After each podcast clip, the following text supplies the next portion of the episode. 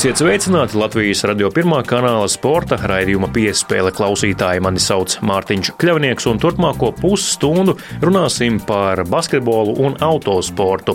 Proti, raidījumā viesosies autorallija pilots Māris Neikšāns un stāstīs par to, kā pats uzbūvējis 350 zirgspēku jaudīgu auto. Savukārt, raidījuma otrajā daļā viesosimies pie sporta ārstes Sandras Rozenštokas, lai skaidrotu, kāpēc šovasar Latvijas jaunatnes basketbola futbola izlasēm Eiropas čempionātos un pasaules kausa izcīņās tik pieticīgi rezultāti. Bet tas viss jau pēc pavisam īsa brīža.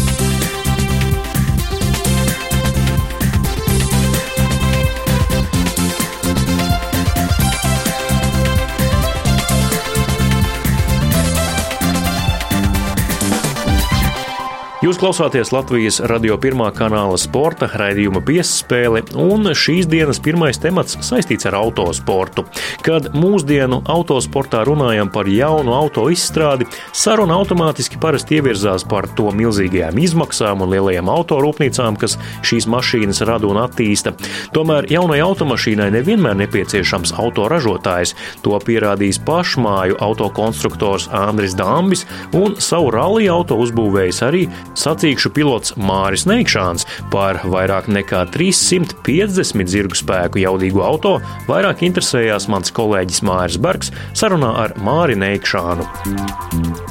Kad pirmo reizi radās šāda ideja pašiem būvēt savu rāliju auto? Nu, faktiski tas laikam bija 2017. gada rudens, kad uh, dzima šī ideja jo braucām visu laiku ar eh, Mitsubishi, tām tā kā standarta eh, rallija mašīnām.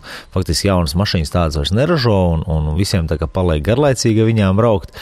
Nu, tie, kas jau gadiem ir braukuši, un faktiski nākošais solis būtu R5 klases mašīna, bet tās mašīnas ir ļoti dārgas. Ja? Nu, jauna mašīna sākot no 220, 230 tūkstoši eiro, un faktiski nav nekas tāds eh, starp N-grupas mašīnu ko es nosaucu par standārtu, ja, un, un, un R5. Un tad radās šī ideja, kad eh, varētu mēs uzbūvēt kaut ko līdzvērtīgu ar 5 mašīnai, tikai finansiāli lētāk pieejamu, bet eh, nezaudējot teiksim, nu, to ātrumu un, un, un tās mašīnas veiktspēju. Izdevās uzbūvēt šādu mašīnu, kas ir lētāka, bet ir konkurētspējīga ar R5. Izdevās viennozīmīgi, jo diezgan nopietni šim projektam mēs piegājām.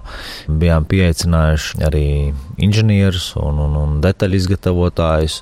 Tas viss tas kopums ļoti labi salikās un, un tiešām daudz nācās lauzīt galvu un, un, un, un domāt labākos risinājumus, jo katram sīkumam, katrai detaļai vajadzēja izdomāt, kādu mēs liekam, kāpēc mēs tieši to liekam, cik viņi ir nu, laba, kvalitatīva, cik viņi maksā, nu, lai tas, tas kopējais tas mašīnas cipars būtu nu, tieši starp to R5 un, un starp to Mitsubishi, kas ir tā standarta mašīna. Un, un tiešām viss izdevās, un, un mašīna ir ātra, laba, jaudīga, un ar viņu ir iespējams konkurēt ar, ar R5 klases mašīnām. Bet kas ir pats labākais, kas man vislielākais gandarījums, kad eh, tiešām ar šo mašīnu ir patīkami braukt, un, un visi, kas viņā ir iekāpuši un izbraukuši, nu, eh, vienaldzīgi neizkāp no tās mašīnas. Tas tiešām ir kaut kas īpašs. Jā, ko tad paši piloti saka par to, kā ir braukt? Tai mašīnai ir pietiekami daudz jaudas un uh, griezes momenta, vai tomēr viņi gribētu vēl kaut ko iespaidīgāku? Nē, nu, protams, kad uh, izbraucot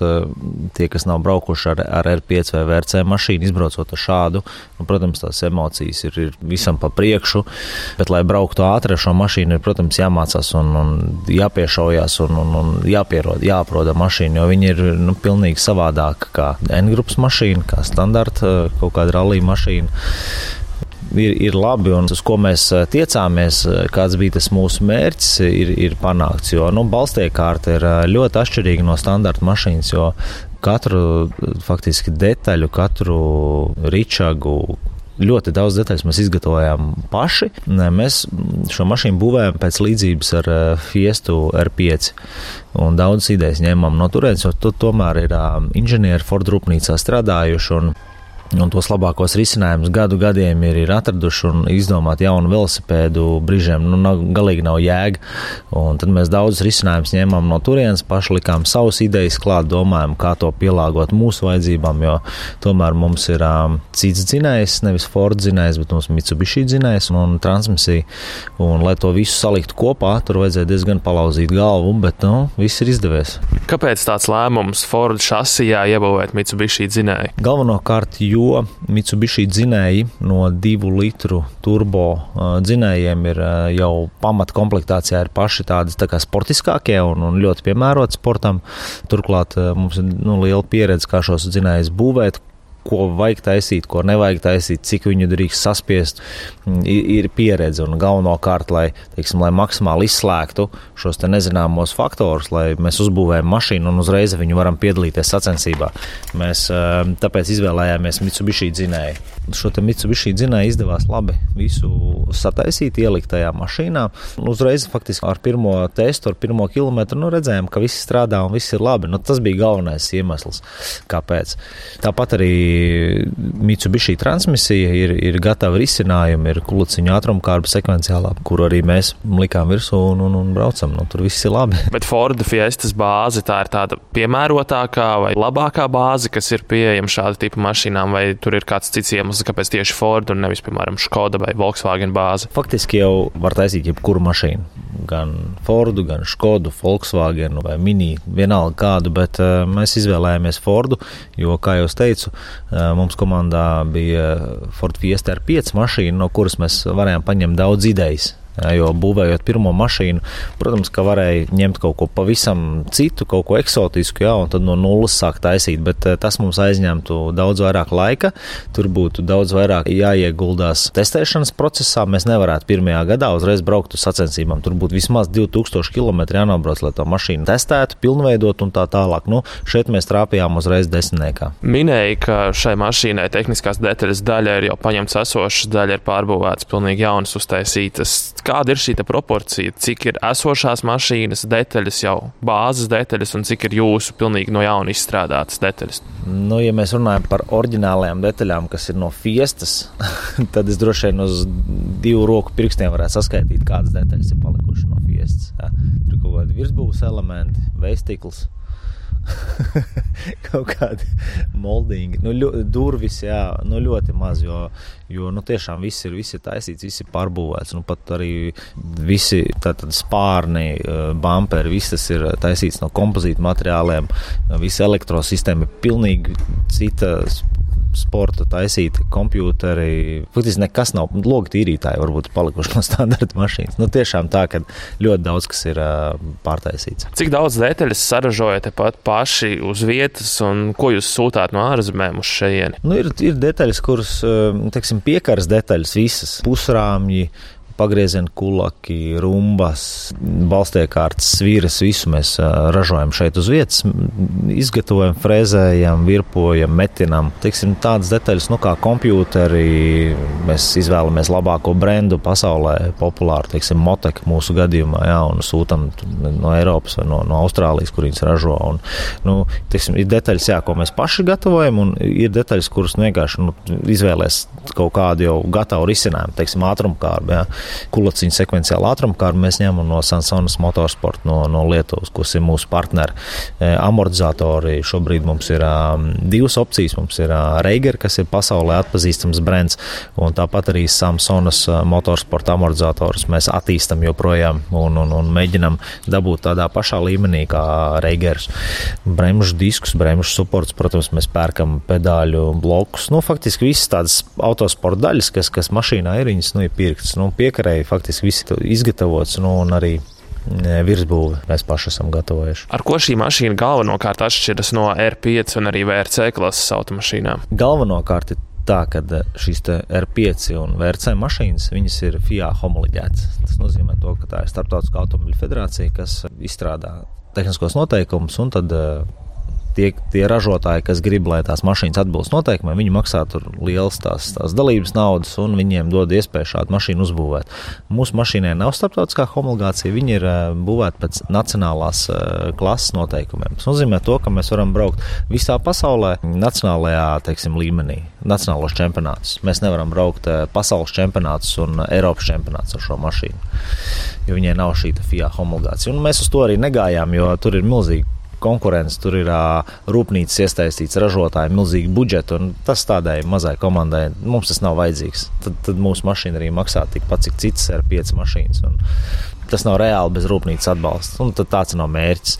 Mūsu mērķis galvenais bija uztaisīt mašīnu nacionālajam čempionātam, kas būtu teiksim, divreiz lētāka, bet ar viņu var braukt tieši tikpat ātri kā ar R5 klases mašīnu. Minēja, ka šai mašīnai taps arī otrā evolūcija. Kas tad būs citādāks, jauns un nebijis kaut kas tāds, kas nav šajā mašīnā, bet kas ir plānos nākotnē šim auto? Tā pavisam īsi. Tātad galvenās lietas būs tas, ka eh, tā būs eh, jaunā virsbūve. Tā būs 2019. gada Ford Fiesta. Būs uh, samazināts mašīnas svars, būs uh, daži uzlabojumi balstiekārtā, kaut kādi atvieglinājumi un pastiprinājumi.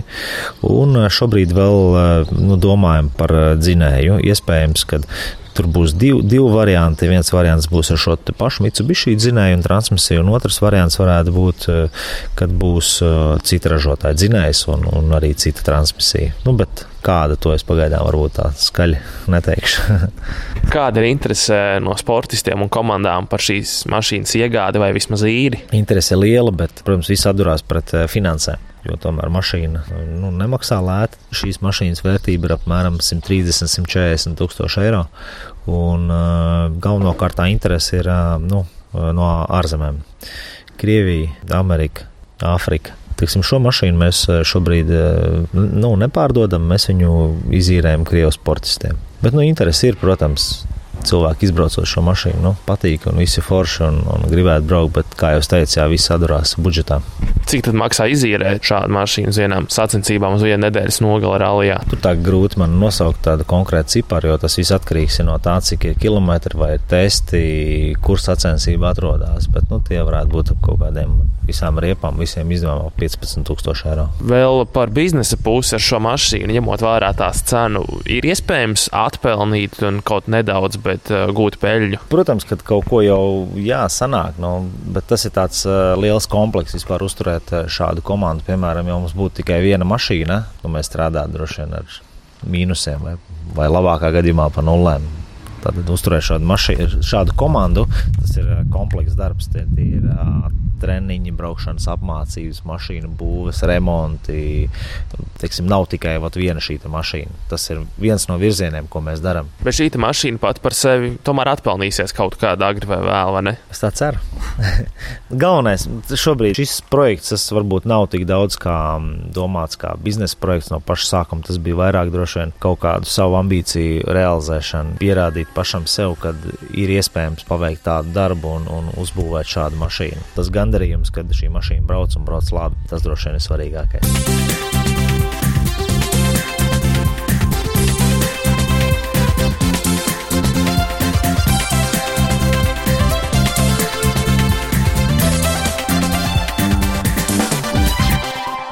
Turpinot skanēt Latvijas radio pirmā kanāla sporta raidījums piespēle studijā es Mārtiņš Kļavinieks. Šī vasara Latvijas jaunatnes basketbola izlasēm nebūtu nebija tā priecīgākā vai veiksmīgākā. 18-gadīgo un 20-gadīgo puišu izlasēm nācās atstāt Eiropas čempionāta augstāko divīziju, savukārt 16-gadnieku komanda bija ļoti tuvu izkrišanai no elites grupas. Šobrīd Eiropas čempionātu kā pēdējās no visām izlasēm aizvada 16-gadīgās meitenes, savukārt kopumā dāmām šajā te vasarā veicies nedaudz labāk nekā puišiem. Pēc vairākiem no Eiropas čempionātiem komandu galvenie treneri sūdzējās par to, ka Latvijas spēlētāji ir krietni sliktāk fiziski sagatavoti nekā pretinieki. Lai noskaidrotu, kāda tad ir problemātika Latvijas jaunatnes basketbolā, devos uz sporta laboratoriju pie tās vadītājas Sandras Rozenštokas. Sporta laboratorija ir sporta medicīnas traumatoloģijas un rehabilitācijas centrs, un šajā iestādē jau vairākus gadus pēc kārtas pirms čempionātiem pārbaudīti Latvijas jaunie basketbolisti. Kādas tendences atklāja dati, kas iegūti šo gadu laikā, to devos noskaidrot uz sporta laboratoriju. Laboratorija sports, šie divi termini savienoti vienā, un parunāsim ar diplomētu sporta ārsti, arī šīs te laboratorijas vadītāju Sandru Rozenštoku. Sveicināti, Sandra! Dien! Jā, nu vispirms par sporta laboratoriju izstāstiet varbūt radio klausītājiem, kur šobrīd mēs atrodamies, kas šī par vietu un kas šeit tiek darīts ar sportistiem. Nu jā, sporta laboratorija ir tā sporta medicīnas centrs, kurā mēs pārbaudām sportistus, gan profesionālus, gan amatierus, gan izlašu sportistus. Viņu veselību, sirds veselību, taisot slodzes testus, gan arī ārstējam traumas. Nu, vēl mēs esam ieguvuši īpašu nosaukumu. Pagājušā gada decembrī mēs esam Startautiskās sporta medicīnas federācijas sadarbības centrs kāda pasaulē kopā ar mums ir 25, kas ir tāds īpašs no, profesionāls novērtējums, es teikšu un tāda kvalitātes zīme. Kas varbūt uh, ir tie uzvārdi, kas šeit caur jūsu rokām ir vai telpām nākuši, ar ko var palielīties? Mēs esam testējuši basketbolistus, visus vīriešu, sieviešu basketbolu izlases, tā skaitā Kristapa Porziņģi un uh, brāļus Bertānus un arī sieviešu izlasē Lienu Jansonu un Tubaško. Un tā ļoti, ļoti daudz no basketbolistiem, tad hokeisti, protams, gan izlašu pārstāvi, gan, gan uh, hokeja klubi, futbolisti, futbola klubs Rīga ir mūsu patstāvīgie sadarbības partneri. Tad šeit uh, sportisti, kur ir nolīgti vai no profesionālā komandā, vai uh, tuliņ, tuliņ viņiem jāpadalās izlases nometnē, viņi nāk šeit un pārbauda savu sirds spēju, savu uh, plaušu spēju un vispārējo. Jā, jā, nu tad pirmais mēs pārbaudām viņu veselības stāvokli, kāda ir sirds asinsvadu sistēmas veselība un reakcija uz slodzi, jo tagad šīs sporta medicīnas vadlīnijas ir oficiālās ir tādas, ka sākumā ir šis kardiopulmonālais slodzes tests, kur novērtē, kāda ir cilvēka fiziskā sagatavotība un kā reaģē sirds un elpošanas sistēma, kad cilvēks veids tik lielas slodzes. Nu, līdz ar to, ja, ja kaut kur šī adaptācija nav tik laba, tad var šo treniņu režīmu piekuraģēt, sakārtot un dot šos ieteikumus. Un tad, ja ir kaut kādas izmaiņas uh, lielākas, tad tālāk ir ehokardiogrāfija vai vēl citi izmeklējumi.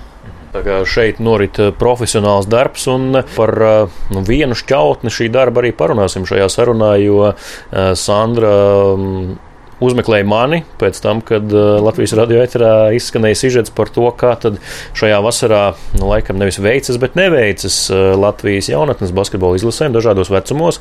Uh, divas puišu vecuma izlases atstāja elites divīziju, trešā bija ļoti tūtam, bet tomēr 16 gadnieki saglabāja vietu.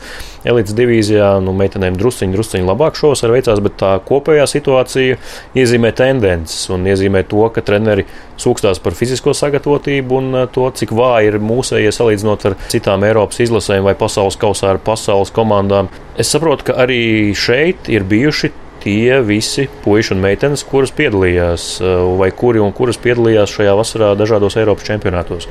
Nu, es teikšu, šis gads bija izņēmums. Mēs testējām mūsu 16, 18 izlases. Pārējās izlases līdz mums netika. Bet, uh, Jā, nu kopumā es varu teikt, ka tā tendence ir tāda, ka šī fiziskā, vispārējā fiziskā sagatavotība, mēs nerunājam par to, ko taktiski vai tehniski cilvēks var izdarīt laukumā, tie rādītāji daļai, ļoti, ļoti mazai daļai ir ļoti labi bet pārējiem ir tāda vidēja vai, bet, teikšu, zem vidējā atbilst tam līmenim, kā parastam skolēnam, piemēram, tajā vecumā. Uz uh, organismu tiek uzlikta liela tā slodze, jo šajā vecumā, protams, viņi spēlē vēl visu sezonu pilnu, ne tikai vienā komandā, sporta skolas, bet vēl kaut kur. Nu, papildus vēl spēlē. Neatjaunošanās starp šīm spēlēm ir tik izteikta, ka īstenībā viņi jau atnāk tādi citreiz pat uz agrīnas pārslodzes.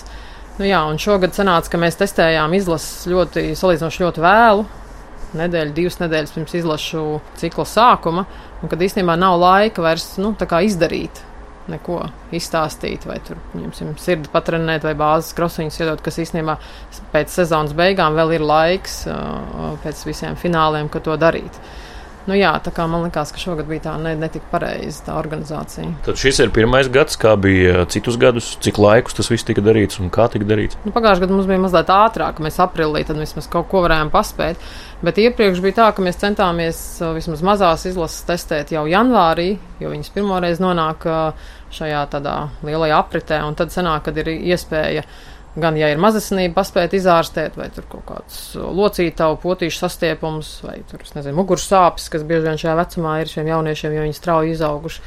Un tā skaitā arī šo sirds treniņus, ja tā kā, nu, mērtiecīgi ielikt papildus. Bija pietiekami laiks tam. Tie šī gada rezultāti, nu, ko tie dati, kas ir jūsu rīcībā, parādīja, tad, kad jūs viņus testējāt dažas dienas pirms izlases mm. nometnes, 16 gadniekus un 18 gadniekus, nu, kas tur ir viņiem tāds problemātisks varbūt? Jā, nu tāda viena tā tendence ir tā, ka daļai ir ļoti strauji pulsu pieaugums.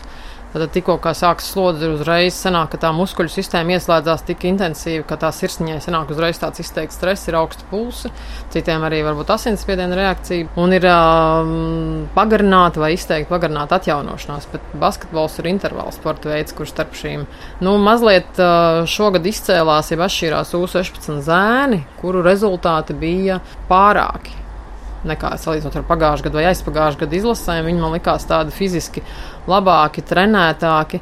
Bet man liekas, jāsaka, tur bija arī spēlētāji diezgan daudz, kas ārzemēs trenējās. Kāda ir uh, šī gada, varbūt pēdējo 3-5 gadu paudžu spēja, fiziskā spēja, uh, salīdzinot varbūt ar tām, ko jūs iepriekš esat redzējis pirms vairākiem gadiem? Nu, jāsaka, ka uh, nav tā, ka šis ir tāds pirmais gads, kad uh, tur U16 izlasē, kad ir uh, zemāk rezultāti. Mums ir bijis tā, ka arī kaut kādu gadu, 5, 6 apakaļ bija no U16 puikas izlases, no 20 uh, spēlētājiem adaptēti bija 3. Bet tad mēs arī treneriem sēdāmies kopā vienu galdu, domājām, ko darīt. Tad viņi visu izlašu periodu skrēja rīta krosiņus, kas nav izlases tāds pamatmērķis, bet sanāca paralēli izlasēji. Mēs tur pēc tam rudenī pār, nu, atkārtot testējām, pārtestējām tos uh, daļu no jauniešiem. Viņiem jau bija 15 sitienu pulsu zemāki, jau sirds adaptētāki, paralēli tam, ko visu, ko viņi darīja izlasē. Tā kā īstenībā to var izdarīt. Un, uh, Man tāds ļoti pozitīvs piemērs ir šogad uh, Ogres basketbola klubs, ko mēs testējām lielie puiši. Un viņi vasarā gan krosiņus skrēja, gan ar riteņiem brauc. Pilnīgi citas lietas darīja, tā kā cits. Un viņiem reāli var redzēt rezultātu. Jā, jo tādam sirds treniņam nevienmēr vajag, lai tas būtu basketbols vai pat, pat neskrējiens. Jā, un arī tādiem U16 jauniešiem, kad sirds aug, vēl tā ķermenis aug, vēl tā adaptācija. Citreiz pat tā skriešanas slodze viņam tas tieši sirds treniņam ir pa lielu. Un tad, tad viņus vajag tā kā, nu, tā kā dažādot, pielāgot. Jā, bet jautājums, vai tas ir jādara izlasē? Tas savukārt rosina jautājumu par nu, sporta skolu programmām, jā, jā, to bāzes sagatavotību. Jā, jā. acīm redzot. Valsts. Jā, tas ir tāds šīs agrīnās sacensības, kas ir bērniem jau ļoti agrīni. Astoņu gadu vecumā viņi jau spēlē turnīros, kad īstenībā daļa tiem, kam padodas tajā vecumā, vēl viņi gūst to prieku, pārējie piedalās. Tas man liekas, mazliet nomāca to vispār to basketbolu prieku. Jo jebkuros kongresos, kurus esmu pasaulē, Eiropā, jebkur tas pirmais, kas ir bērniem līdz 12 gadiem, tas ir prieks, prieks, prieks, jā, fan, fan, fan, ko viņi visu laiku katrā lekcijā, katrs lektors, katrs profesors tur uzsver. Man liekas, ka mums tā Latvijā vairāk tāda uzreiz tāda specializācija, ka mazliet pietrūks tas. Nu jā, un tad sanāk, ka tas pusauģa vecums pienāk, tie bērni ir tādi mazliet noguruši, izsīkuši, jo viņiem ir tik daudz. Un tad pēc tam tāda nu, labāka organisma pielāgošanās adaptācija sākās eh, tad, kad viņi tiek cauri šim jaunatnes posmam. Vēl sarežģīts posms ir U20, tāpēc, ka tur brauc daudz spēlētāju, kas ir no uh, Amerikas vai, vai citās augstskolās trenējās.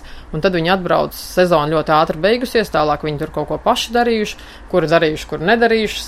Svars parasti ir vairāk īpašiem meitenēm, ātruma īpašības mazāks. Nu, jā, sakot, tas ir tāds ļoti grūts posms. Bet pēc tam tā pieaugušo izlasē, ka viņi zina, ka viņi spēlē vienā klubā ar konkrētu treniņu režīmu, bez šīm daudzajām spēlēm, kas ir jauniešos vienā, otrā, trešā, ceturtā komandā tad tas organisms nu, pamazām, pamazām adaptējās. Nevelti profesionāļi, kas ir Nacionālajā basketbola asociācijā, saka, ka viņiem ir tik daudz spēļu, ka nav laika trenēties, bet savukārt viņi jau līdz tam līmenim ir nonākuši, Jā. lai viņi var netrenēties tik daudz un spēlēt. Bet, ja jaunieši vai bērni dzīvo pēc šāda režīma, tad jau laikam tas absolūti nav pareizi. Tā ir, jā, jo citreiz ir jautājums, nu, kad tev ir nākamā spēle. Jautājums par tiem, kurā komandā. Jo ir šis spēļu limits, kas uh, Basketbola savienībā bija uzlikts tajā sezonas laikā.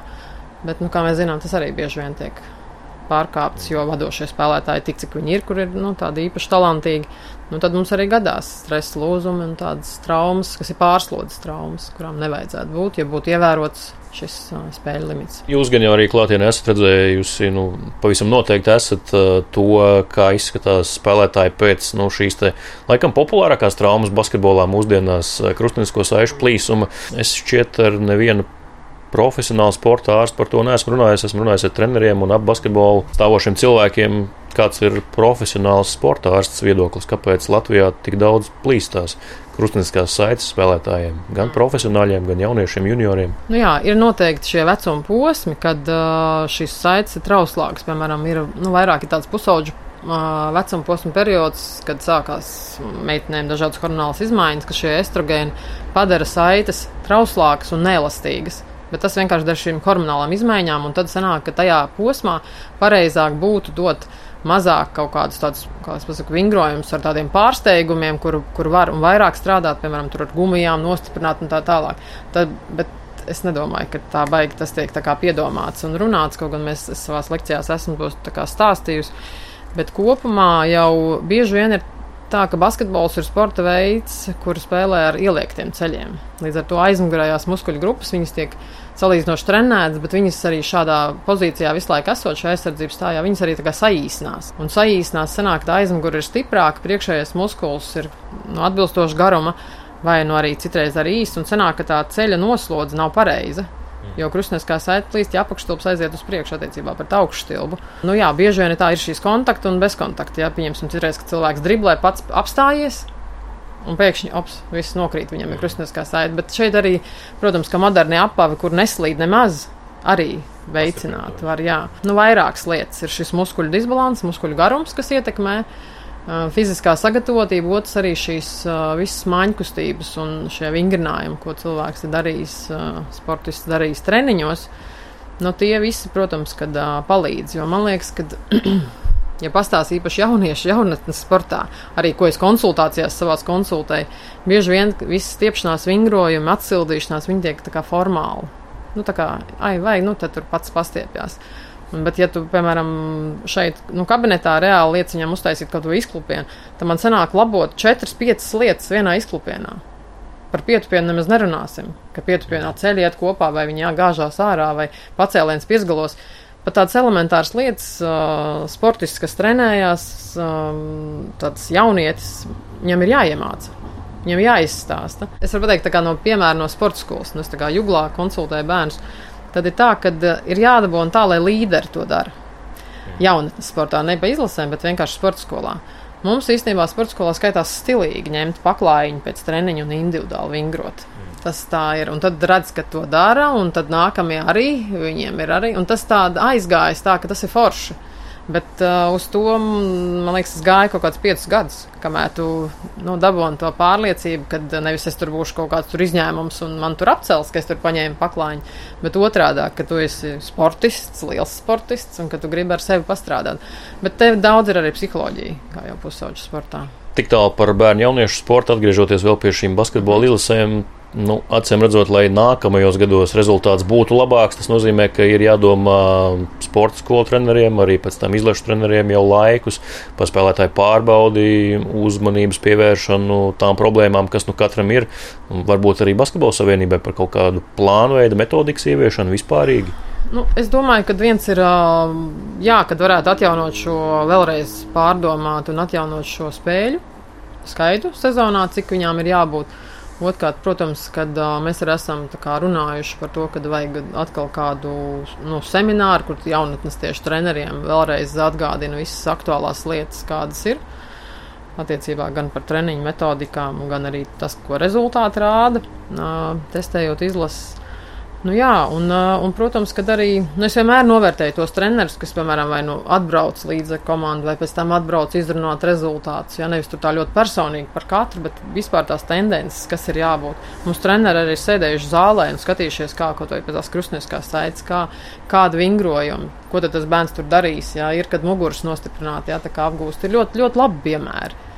Nav tā, ka nu, tā pašplūsmā tas viss, bet vienkārši gribētos to, lai tas tādā veidā nu, aiziet plašāk. lai to izmanto. Paldies arī sporta laboratorijas vadītājai, sporta ārstei, profesionālai Sandrai Rozenštokai. Un, Parunājām gan par basketbolu, gan par citiem sporta veidiem, bet galvenokārt par to, kā būtu jātrenē jaunie censoņi, lai viņi līdz izlasēm nonāktu pietiekami sagatavoti un nu, lai negadītos kaut kas nu, pat negaidīts vai, vai traģisks. Ne tikai tas, bet vienkārši, lai būtu labi rezultāti un izlases nospēlētu sev cienīgā līmenī. Paldies, Sandra, par šodienas sarunu, un tad jau acīm redzot, tiekamies kādā citā sarunā atkal par citiem sportistiem, sporta veidiem un niansēm. Paldies!